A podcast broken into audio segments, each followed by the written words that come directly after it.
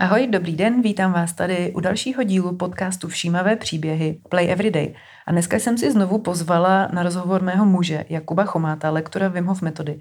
A budeme si povídat znovu na téma přechod z korporátu na volnou nohu. A konkrétně se budeme věnovat tématu, jak přenastavit mysl, jak se to vlastně dělo jemu, jak pracovat s myslí a tou změnou, aby se tahle ta změna vlastně odehrála nějakým způsobem pozitivně. Takže jak pracovat s myslí při přechodu z korporátu na volnou nohu. Tak jo, užijte si poslech. Ahoj, jmenuji se Martina Chomátová, inspiruji a podporuji ženy na cestě k hravosti, radosti a spokojenosti. Aby v budoucnu nemuseli následovat druhé, dokázali rozpoznat svou vlastní vnitřní jiskru a následovali ji. Jsem mámou tří dětí a za dobu mateřství jsem si prošla obdobím poporodních depresí a vyhořením a vím, jak je to v této zrychlené a náročné době velmi časté téma. Proto využívám technik mindfulness neboli všímavosti k plnějšímu prožívání života s větší laskavostí k sobě a druhým. Vítejte na palubě! Play every day! Dobrý den, vítám vás tady opět všechny po týdnu. A protože jsem měla nějaký dotazy k tomu dílu, ve kterém jsme se s mým mužem věnovali tématu přechod z korporátu, to téma vás zaujalo a chtěli jste pokračování, kterým jsme tehdy slibovali a nedostali jsme se k tomu ještě, tak jsem si s ním naplánovala rande před spaním a tady v posteli přikrytý natáčíme tohoto pokračování toho dílu. Tak doufáme, že tady nebudeme moc šustit peřinama. Jsme právě ke konci dalšího lockdownu, i když se to bude dál prodlužovat a věříme, že právě teď je ten nejlepší čas k tomu, aby jsme natočili to pokračování. Takže tady vítám mého muže Jakuba Chomáta.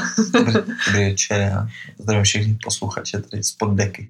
Může být večer, ráno nebo odpoledne, to nevíme. Takže každopádně krásné chvíle s námi, jsme rádi, že jste si nás naladili. A jdeme na to.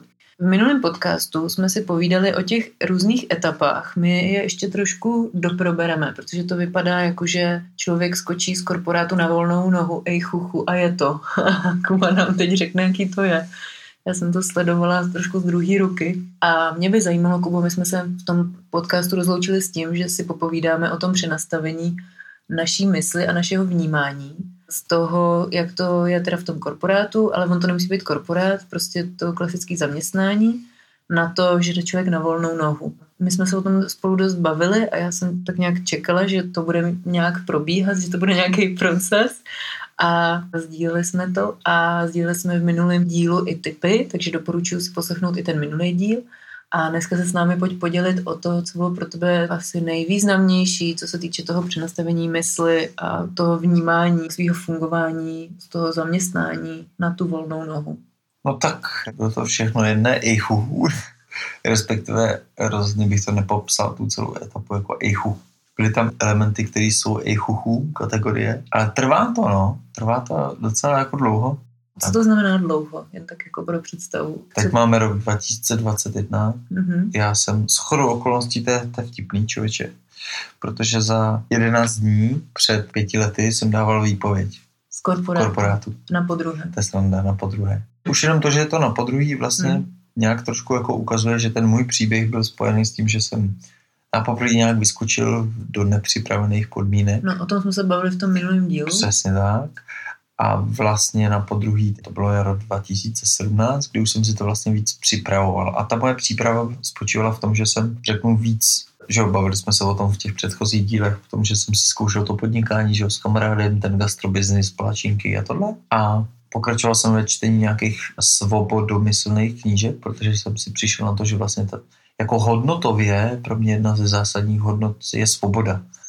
A doteď to nějak jako samozřejmě hledám, ale vlastně ujasnil jsem si, že energeticky hodně ztrácím na úrovni toho, že mám nesoulad hodnotový v tom, co je v tom korporátu a to, jak já to potřebuji. No a připravoval jsem se na to samozřejmě líp, to znamená, udělal jsem si nějaký že, roční výcvik somatického koučování, protože vždycky mě v rámci té firmy a těch rolí mě bavila nějaká tým lídrovská role, kdy jsem měl nějakou interakci s lidma a tak jsem si říkal, hele, mohl bych se v tom jako dovzdělat, takže jsem si paralelně s prací v korporátku ten poslední rok dělal jako výcvik somatickým koučování a tam jsem si vlastně pracoval strukturovanou formou na tom, abych se jako sebe uvědomoval v tom, jako co vlastně potřebuju, co mi jako nevyhovuje, co bych do svého života potřeboval víc, jak bych to potřeboval změnit. A zároveň jsem si tam pracoval na tom sebeuvědomování i nějaký získání jako vlastně vlastní sebehodnoty, nebo jak to říct, důvěry v sebe sama, že to, že bych to nějak jako mohl zvládnout, upitlikovat i ty finance, protože to bylo pro mě velká brzda, že jo, jak to zvládnu s těma financema. Takže vlastně to sebeuvědomování se ukázalo jako nějaká důležitá etapa potom, že jo, na následující vlastně tři roky až, až vlastně doteď v různých formách jako objevovat, co vlastně jako potřebu tomu, aby to jako mohlo fungovat jinak, než výměna čas za peníze a 30. mám na účtě peníze a mám nabušený auto a kde si co si, ale můj aktivní život je cvrklej na pár hodin týdně. Hmm, aktivní a ten smysl plný. Takže součástí toho bylo nějaký sebeuvědomování a toho uvědomit si, jaký jsou vlastně ty tvý priority a kudy by ses chtěl vydat, protože spousta lidí třeba ví, že tohle, tohle a tamhle to jim jako vadí, ale už třeba neví, co je to, co by chtěli dělat, čemu by se teda chtěli věnovat, jakým směrem jim to přijde jako smysluplný. No a pak byla další fáze ještě to, že ty si už dejme tomu nějak teda věděl, co je to smysluplný, ale teď jak to ještě přetavit? Ještě bych řekl, že nevěděl. Mm. Jako jsem to nějak jako tak cítil, lomeno objevoval, protože my jsme si pořídili, že kafe kolo s Markem, to znamená, zúžili jsme no. ve smyslu těch našich podnikatelských aktivit, jsme to zúžili celý sortiment jenom na kávu. Mm. A dovezli jsme si z Londýna vlastně unikátní tříkolku za kterou mimochodem dlužíme peníze doteď. Ale bylo to fakt jako unikátní, jo, vymazený všechno. Byli jsme kvůli tomu v Anglii dodávkou no. a hodně nás to jako nadchlo ve Skotsku, viď? Ale... Hodně nás to nadchlo to cestování dodávkou tehdy, no. Takže jako otevřel jsem se novým, řekněme, možnostem. Jedna linka bylo kafe kolo a že jsme si říkali Bláhovi, že prostě, hele, to uděláme francízu, prostě, jo, to bude stovky kol, takovýhle. Hmm. No, tak tak to bylo bláhový. A pak jsem měl v hlavě ještě další variantu, že uděláme myčku, protože můj táta má nějaký pozemky na severu Čech, kousek za hranicema s Polskem a Německem, takže tam uděláme myčku, takovou tu automatickou. Byl další projekt a pak, já nevím, ještě nějaký další dva projekty. Ale tak mně se líbí, že ty jako tak, já bych tomu neřekla naivně, ale jako by prostě zkoušel si a když vlastně čteš třeba Máme tady někde doma knihu fuck Když to vlastně vidíš, tak spoustu těch lidí jako udělalo x fuck k tomu, na cestě k tomu, než se jako dostalo. A ty vlastně to dost často zmiňuješ a děláme si z toho srandu, kolik jsme toho jako i spolu jako vymysleli za plány, že jsme chtěli jet bydlet do Švédska nebo co. A to jako taky bylo, bylo, to bylo, bylo, bylo jich jako hodně. A vlastně samozřejmě ne všechno jsme zrealizovali, ale Jakože že člověk do něčeho z toho se pustí a něco se z toho naučí a pak v tom dalším kole už si na x věcí dá pozor, třeba už není tolik naivní a už si nějaký svoje hranice nastaví, hlavně tam má třeba i tu sebedůvěru a tak. A k tomu se třeba ještě dostaneme. Každopádně odešel si po druhý, to jsme se už minule bavili, ale mě zajímá ten mindset, jako, takže se to nějak přenastavilo. A jaký jsou hlavní takový milníky, který teď zpětně vnímáš, že se ti udály a vnímáš je jako důležitý proto, že jsi teď v pohodě s tím, co děláš, ale být v pohodě není to všechno, to je důležitý, důležitý samozřejmě, aby tě to i uživilo. Dát výpověď. Ano, bod číslo jedna, dobře, no. Krok je fakt jako nějaká mentální příprava. Jako mentální v momentě, v momentě, kdy člověk má jedno, dvě děti, má stabilní zaměstnání, nějaký jako cash flow a nemá rezervy víc než na čtyři měsíce a nemá nic připraveného, tak je to ostrý neříkám nemožný, ale přijde mi to jako ostrý. Určitě ten další milník je jako a tak ocitnutí se na pracáku. Nutno i říct, dodat, že jsme neměli úplně malý výdaje. Jakože ne, neměli, nebyli ne? jsme úplně nějaký minimalisti. Jakože nebyli jsme ani maximalisti, ale jako ne, rozhodně jsme jo. Uh, úplně nešetřili. No. no ne, tak někdo, kdo žije prostě v hezkém bydlení, má dvě děti, stará se, platí nějaký soukromý školy, školky, no, no, jasně, tak prostě právě, je jako to přes 50. Jo? Chceš nějaký kvalitní ano. jídlo, takže prostě neměli jsme úplně nejnižší uh, výdaje. No. Ano. no ale povídej, takže být na pracáku, tak co to bylo za zážitek? no ne, tak je rozhodně jako zajímavý zážitek pro vysokoškoláka jít na pracák. Vlastně to je velký zatřesení s tou sebehodnotou, jak jsi mluvila o těch pádech, tak vlastně jestli já jsem se někdy cítil fakt jako mizerně, jako na dně. Tak ten pracák je vlastně takový to dno pomyslný vysokoškoláka, kdy tam teďka seš spolu s našimi hnědočechy, spoluobčany a dalšími lidmi, kteří se třeba dostali, já nevím, svojí vinou, nebo někdy ani ne svojí vinou, tam prostě na pracák. Každopádně jako je to takový to pro mě taky to potenciální jako dno, kdy si říkáš, ty tak tady už nechci být. Jo, taky to, když jdu od toho, co ne, abych, abych našel, co jo, tak tohle je jeden z těch elementů jako zážitek, prostě dojít si na pracák a teď tam něco paní sepisovat za přepážkou, která prostě tam má v gradu 13 nějaký svůj položkový plat a ty tam něco vysvětluješ, jako jsi jako školák, tak to je dobrý zážitek. Ale to je, to je vtipný, já jsem tady ten zážitek jako to už ne, jsem měla, když jsem pracovala v hostlu v Norsku a, vím, a měla jsem tam jednou Normálně jsem tam pracovala na recepci, ale když uklizeč odjel na dovolenou, tak já jsem měla hajzly. A u toho jsem si vždycky říkala, tak Marti, pořádně se uč, abys tohle nemusela po zbytek svého života dělat. A to bylo pro mě takový to jako, byť je to ve, vlastně ve finále docela relaxující činnost, mít ty hajzly, ale jako úplně jak to říkáš, tak si na to vzpomínám. Ne, a to jsou, tak, ne, to jsou taky ty drobnosti, které jsou ale do, do jisté míry jako formující, jo? Že, že je dobrý se jako mm, odrazit? Odrazit a všimnout si, hele, tak jako tohle fakt už ne. A vlastně to zažít jako krátkodobě je to, je to možná drsný pro někoho zážitek, ale jako kvalitní zážitek, který ve finále, když to člověk pojme správně, tak mu jako může dát nějakou energii, jako že hele, jdu to nasměrovat jinam, takhle mi to fakt jako mm. nevyhovuje. A pro mě to mělo ten, ten jako aktivační aspekt. No a jakož to tak bývá, když podle mě člověk jako začne vysílat do toho vnějšího prostředí nějaký informace, hele, chci to jako jinak, tak mě přišla do cesty, nějak jsem si volal seznámy a říkal, hele, tady je nějaký startupový inkubátor a děláme tam na nějakých sebeuvědomovacích technikách, podporujeme ty zakladatele těch projektů, to znamená Karel Janeček zainvestoval startupový inkubátor, takže ty kluci a holky, co zakládají ty projekty, mají prachy a mají nějaký mentory, řekněme, jak postavit biznis, jak poznavit marketing, bla, bla, bla, právníky, učení, ale co nemají, je vlastně práce s nimi jako osobnostma, jako lidma. Mm-hmm. No. A tím, že vlastně ten inkubátor má nějaký dvouletý program, ve kterým naskakuješ jako junior, který v úzovkách má dluhy a staví něco v garáži u mamky a za dva roky už třeba ten inkubátor chce, aby do tebe někdo zainvestoval jako desítky milionů korun, hmm. tak za dva roky musíš osobnostně urazit jako obrovskou cestu, kterou třeba normálně lidi podle mě v korporátu zrajou třeba 10-15 let, tak v inkubátoru, v tom startupovém prostředí to je po tobě chtění za dva roky. Takže jako extrémně krátký čas. A to mě jako zaujalo, byl tam jako obrovský zajímavý jako lídr, který, který moc hezky se zamýšlel z mýho pohledu nad věcma, to mě nadchlo. Takže jsem skočil do toho z toho korporátního, řekněme, rigidního, švýcarsky přeprocesovaného, v mém případě, sektoru do startupového světa, kde vlastně nic není nemožný a dělat 14, 16, 18 někdy není problém. Když je třeba eh, s obrovským nadšením, s obrovskou naivitou a každý to prostředí má svoje, takže to byl, řekněme, druhý extrém ale bylo to pro mě v tom příhodný, že, že já jsem tam tehdy byl dohodnutý, že jsem fakturoval. To znamená, už to nebylo v roli, že bych byl zaměstnanec něčí, byl jsem jakoby freelancer, který pravidelně fakturuje takový ten konzultační český systém, kdy pravidelně prostě fakturuju nějakou částku. A nebyla tak vysoká, jako byla v korporátu, ale tím, že jsem si vlastně v rámci přípravy exitu z korporátu trošku udělal pořádek v tom, abych se zorientoval, kolik vlastně jsou naše výdaje, takže jsem si prostě udělal nějakou minimalistickou finanční rozvahu, tak jsem věděl, že hele, OK, když budu dělat něco, co mi dává smysl, tak jsem OK jít s tím dolů s penězma. Nemusíme jezdit tak dobrým autem, nemusíme utratit tolik za dovolený, takže vlastně jsem ale... Počkej, to jsme nikdy tolik neutráceli, jako co to tady. to je na jindy, tak.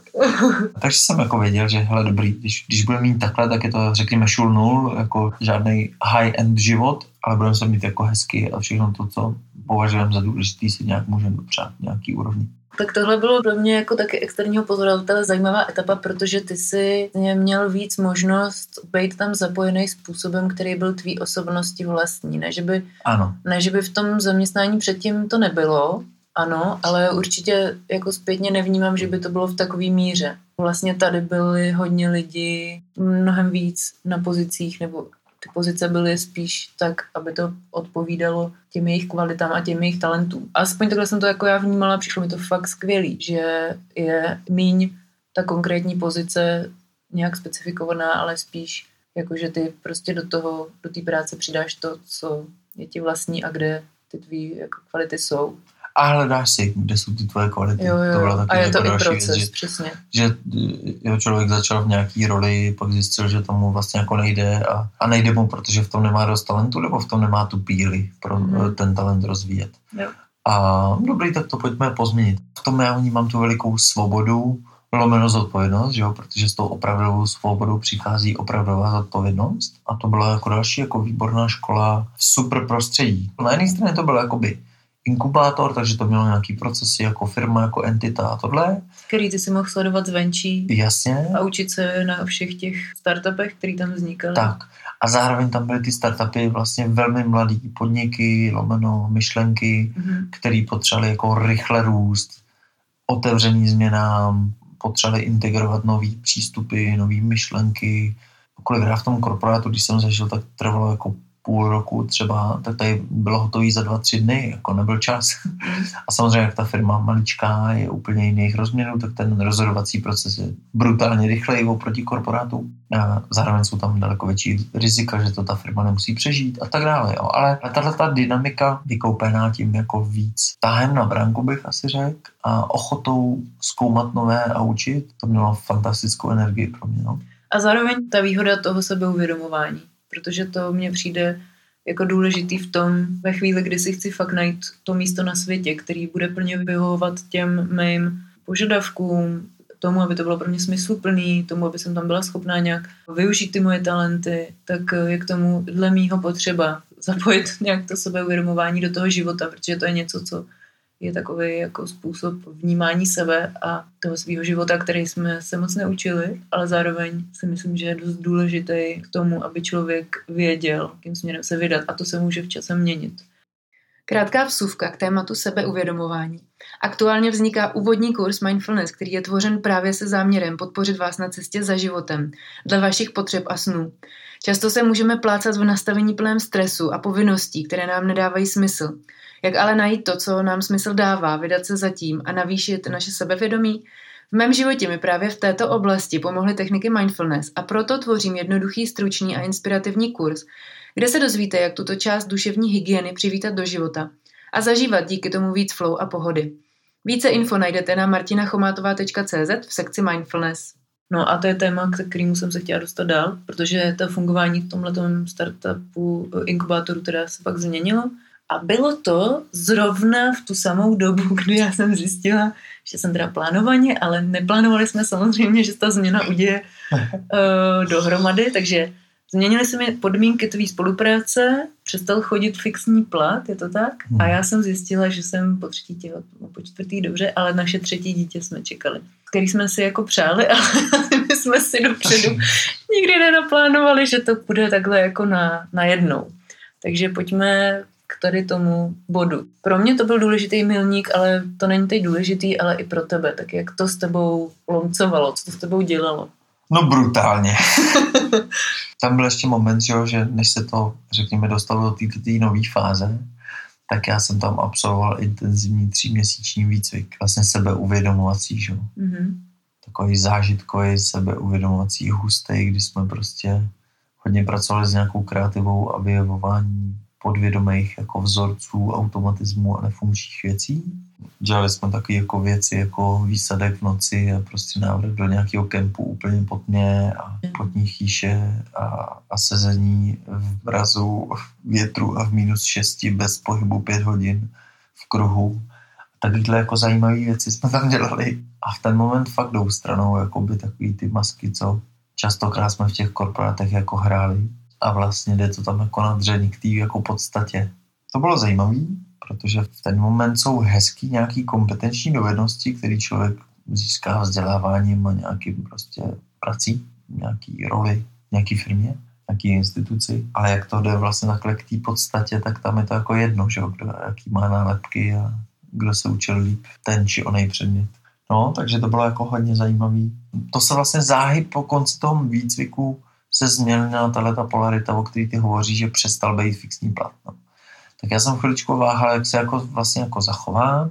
Měl jsem tam asi dva měsíce myšlenku, že hele dobrý, já to jdu teď postavit na sebe, ten projekt, o kterém už jsme taky mluvili, taky to, že budu strukturovaně vyvádět lidi z korporátů ale to jsem asi tak měsíc a půl o tom uvažoval. Pomaloval jsem spoustu flipchartů a papírků. Ano, tvé, tvé business plány, o tom bych mohla nap- napsat knihu další. Jednou. Spoustu jich bylo pomalováno různýma barvičkama. Geniální věci. Počkej, počkej, kdyby, kdybyste někdo potřeboval pro svůj business business plán. Jakub tam má neuvěřitelný flow. Jo, jo, Tak dobrý. Snadičky, snadičky. No to nevím, to myslím vážně, ti dělám reklamu. No, každopádně nějak jsem si po těch jako asi šesti týdnech došel k tomu, že to tak ne, jako necítím, že bych si měl jako teďka vlastně plnohodnotě postavit na svoje nohy. A vlastně jsem se vrátil k té skupině, která, eh, se kterou jsem byl v tom výcviku a řekli jsme si, hele, pojďme postavit prostě z nějakou vzdělávací firmu, vzdělávací agenturu. Základem bude to sebeuvědomování, protože jestli něco nefunguje prostě ve všech organizacích, tak je to komunikace. A ta generuje velký problémy. A to jsou prostě pak výpovědi, neefektivity řízení, neefektivity rozhodování, cokoliv.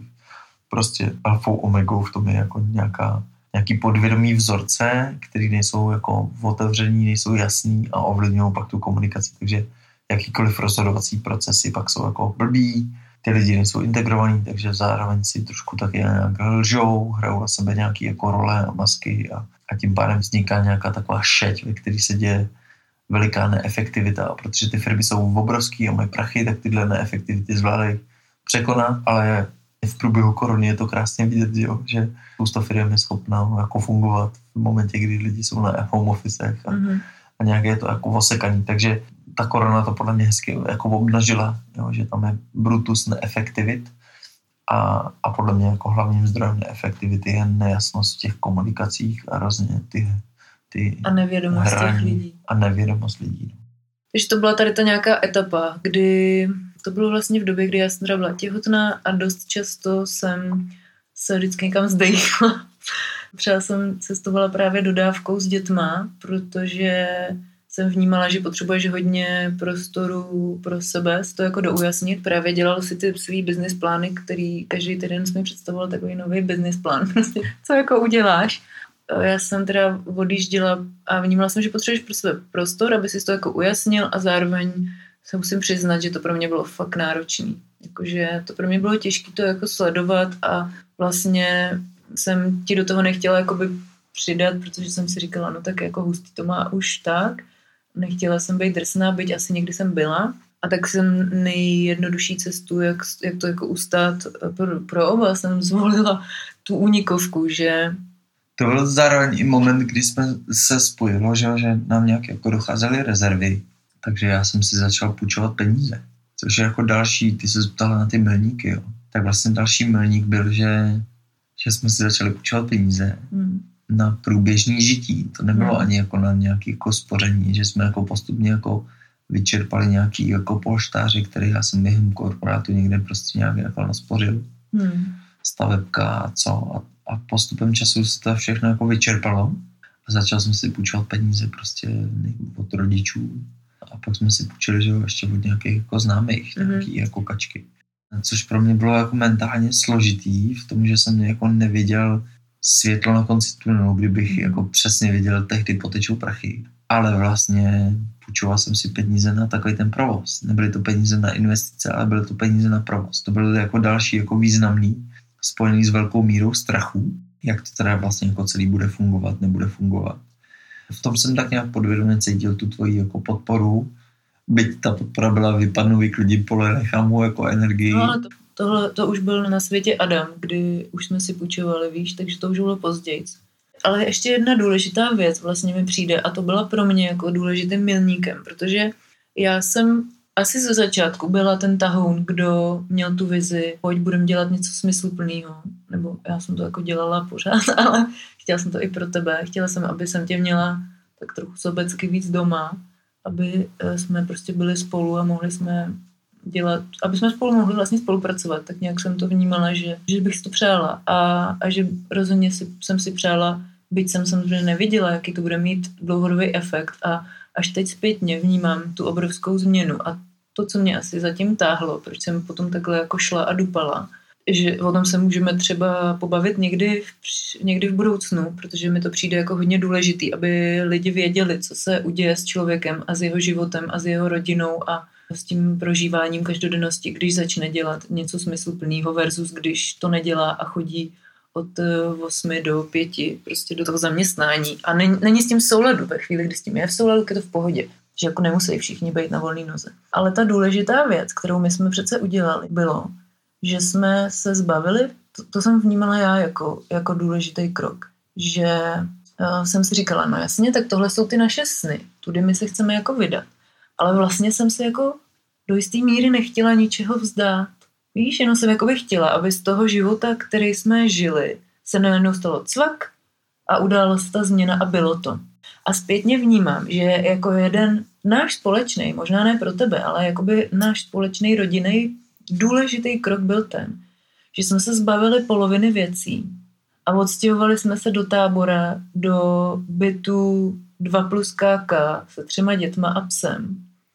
Totálně jsme snížili naše výdaje, zmenšili jsme náš prostor, hodně jsme si osekali, přestali jsme si dopřávat to, co jsme si dopřávali. Přesně jak ty si říkáš v té formě auta, měli jsme jedno auto, že jo. Třeba... To počkej, to bylo ještě složitější. My jsme přece na jaře šest týdnů bydleli v karavanu. Jo, pravda. Ještě jsme bydleli v karavanu. V karavanu a pak v TP. A pak jsme léto bydleli v TP. TP, no jasně. Takže a, jsme... A, a finále mělo být, že jsme měli žít v jurtě. No, to jsem chtěl. Ale... To si úplně vynechala. No, počkej, jako. počkej, ale to, že jsme bydleli v tom karavanu a v tom TP, byl vlastně hodně důležitý jako předěl. Bylo to vlastně od... To rozhodně, no. Malé od jara. rozhodli. od jara, kdy Adamové bylo půl roku, do konce léta, to je do konce srpna. To znamená, že to bylo nějakých, já nevím kolik, pět měsíců nebo kolik. A když žiješ prostě takhle dlouho v tak malém prostoru, jako je karavan a TP, tak jasně, jako přes léto tolik věcí nepotřebuješ jako v zimě. Ale najednou mě jako došlo, že sakra, k čemu mám jako plný barák věcí doma, teď jako my jsme tady tak happy, jako fakt jsme prostě ráno vyčutli děti z karavanu. Na trampošku. Na trampošku nebo prostě s ostatními dětmi a bylo to super. Takže za mě to bylo náročný, ano, protože se v nás děly tady ty jak proměny vnitřní, ale velmi důležitý krok. Pak jsme právě vytřídili ty věci z toho baráku, polovinu věcí jsme se zbavili a věděli jsme, že půjdeme do malého, i kdyby to byla jurta. A tam nebo jsme ještě zažili jiného. komunitní soužití. Taky bylo no, zajímavý. jako jasně, to, to, ono to asi nebylo nazývané jako komunitní, ale byly to prostě tři rodiny, které žily jako na stejném místě. Každopádně ano, bylo to jako velmi zajímavé. Já jsem se tím, jak jsi říkal, že ty podvědomí vzorce, tak já jsem si tam uvědomila spoustu svých vzorců a bylo to pro mě jako důležitý období udělat si takovou stopku a revizi, protože s tím třetím dítětem už nešlo fungovat dál, tak jako jsem si to měla zažitý jakoby s těma dvěma dětma a takhle. No, dobře, takže to, ale mně to přijde jako důležitý, protože spoustu lidí si říká přesně jako my, že tak tudyma pojedeme dál, ale uh, tenhle ten krok byl hodně důležitý, že pojďme prostě úplně zminimalizovat ty výdaje, aby vlastně ten start na té volné noze byl jednodušší. Já vám potřebuji to malinko zrekapitulovat. Podle mě neexistuje jediný nejsprávnější recept. To jsou příběhy, A... Kubu. jo, v pohodě to, co já jsem si jako hodně vzal z toho startupového prostředí, to, co mě, mě jako významně rezonuje, což je pak přenositelný na ty další roky, co jsme jako prožili, je normální padat a vstávat. Aby náš školský systém učí, že to není normální, protože nás známkuje jedničky a pětky a když padáš, máš čtyřky, pětky, no to je špatně, propadáš tak je to ale velmi zdravý proces. Hmm. Všichni, co poslouchají, i my dva, jsme se naučili chodit jenom tak, že jsme padali a vstávali. Takže je to jako evolučně obrovský důležitý proces. A podle mě stejně tak je to vlastně v tom hledání, co je teda moje. Pokud projdeme tím vzdělávacím systémem, skočíme do nějakého, řekněme, zaměstnaneckého poměru, kde prostě je po nás něco chtěno a přijdeme k tomu, že nám není v tom dobře, tak je naší možností a volbou začít hledat. A když budeme hledat, tak budeme dělat chyby. Takže budeme padat a tam je jako důležitá ta esence toho hledání té energie, toho, abych vstával, abych jako ten pád nutně nepřijímal jako jediný zlo. On někdy bolí a, a často bolí jako hodně, jo. Jako děti jsme měli modřiny. Jenom prostě ten pád je součástí toho jako dlouhodobějšího růstu. No a ten růst se prostě nestane přes noc. Já když jako zpátky reflektuju těch pět let, tak to je suma jako velikých pádů a neutuchající Jenom chuť, pět let, jo.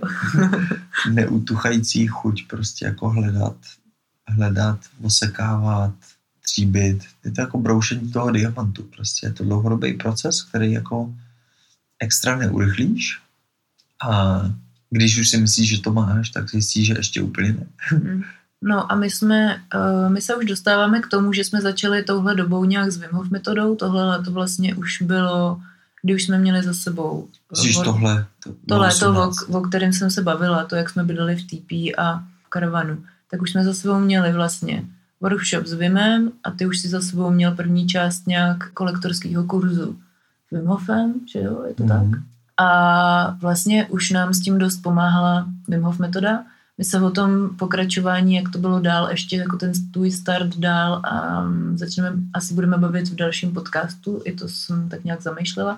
Každopádně čistě ve fázi toho, že jsi nebyl lektorem, ale měl si tu Wim Hof metodu v životě, potažmo měli jsme, jak nám to jako pomáhalo. Protože já to vnímám jako, že to byla velká kotva v tom našem životě tehdy a hodně takový bod, který nás jako tužil doslova. Tím, že lezu každý den nebo pravidelně do chladu. Začal jsem pravidelně líst do chladu, což pro mě bylo jako nemyslitelný. Tak se začalo odlupovat ego.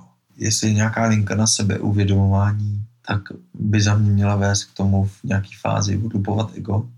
Jako jak to v realitě vypadá, nebo co se s Jakubem dělo v průběhu toho? No, že se mu jako učím nedělat věci pro výkon. Jasně. Například. Ne pro nějaký vnější očekávání. Ne pro nějaký vnější očekávání. Mm-hmm. A mhm. vlastně jako jdu pod povrch toho. Mm-hmm. Jdu k té jednoduchosti toho prožitku, který jako může znít pro spoustu lidí jako ezo, jo, to je nějaký jako něco, ale zároveň jako když si jako dovolím se a v tom je hezký, jako nebejt třeba v té chladné vodě jako s někým, ale bejt tam sám, to, že prostě tam v ten moment nemusím hrát ty role, a, mhm. a jdou ty mozky stranou a jsem a tam jako... tam ani ten telefon. Ani ten telefon. Mm. A jsem tam já s tou chladnou vodou. Mm.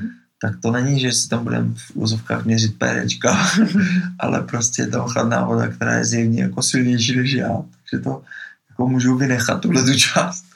A vlastně tam jako jenom můžu jít se odevzdat. Mm. Což pro výkonově laděný samce se jít odevzdat je vlastně jako velká pokora, velký odhalení se. Ale vlastně i pro intimní, samičky. No, možná i pro samičky. jako vlastně intimní záležitost, ale jako můžeš, že je tam to bezpečný prostředí. A to je něco, to je jako nový zážitek pro mě. Ten jsem jako do té doby asi moc jako necítil. No, pecka. Tak já si myslím, že pár věcí ohledně změny mindsetu a těch zajímavých lekcí, které se udějou, jsme se podělili. Možná na to navážeme ještě příštím podcastu. Já bych to dneska chtěla ukončit tím, že ani nevím, co jsem si představovala tehdy, když jsem měla takovou tu vizi, jakože tenhle ten chlap, kterýho jsem si vybrala, že vedle mě bude žít, s ním chci žít, tak eh, aby měl něco v životě smysluplného, že jsem tak nějak si říkala, že by mohl mít větší jiskru jako v očích a takhle, tak eh, asi jsem si to nepředstavovala, že budeme spolu točit podcasty. A Postavy.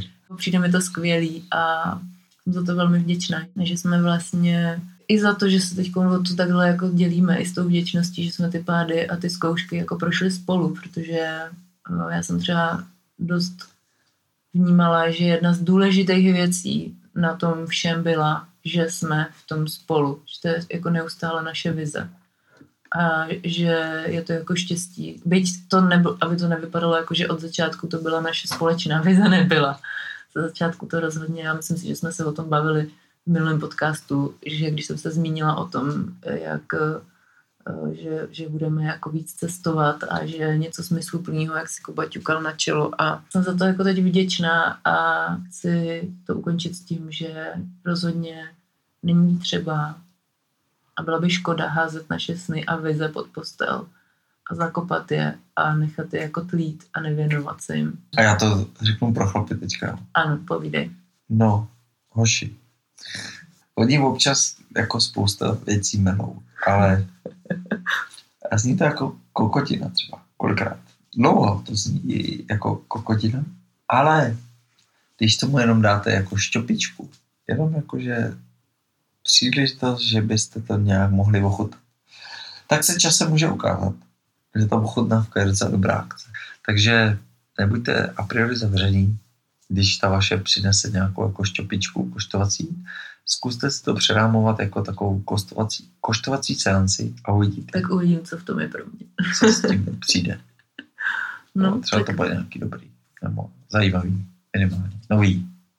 Díky za zbytek, za dodání a já už jenom na závěr řeknu, že spolu s Jakubem něco peckového chystáme, tak jenom, že se můžete těšit do budoucna. To je jedna věc.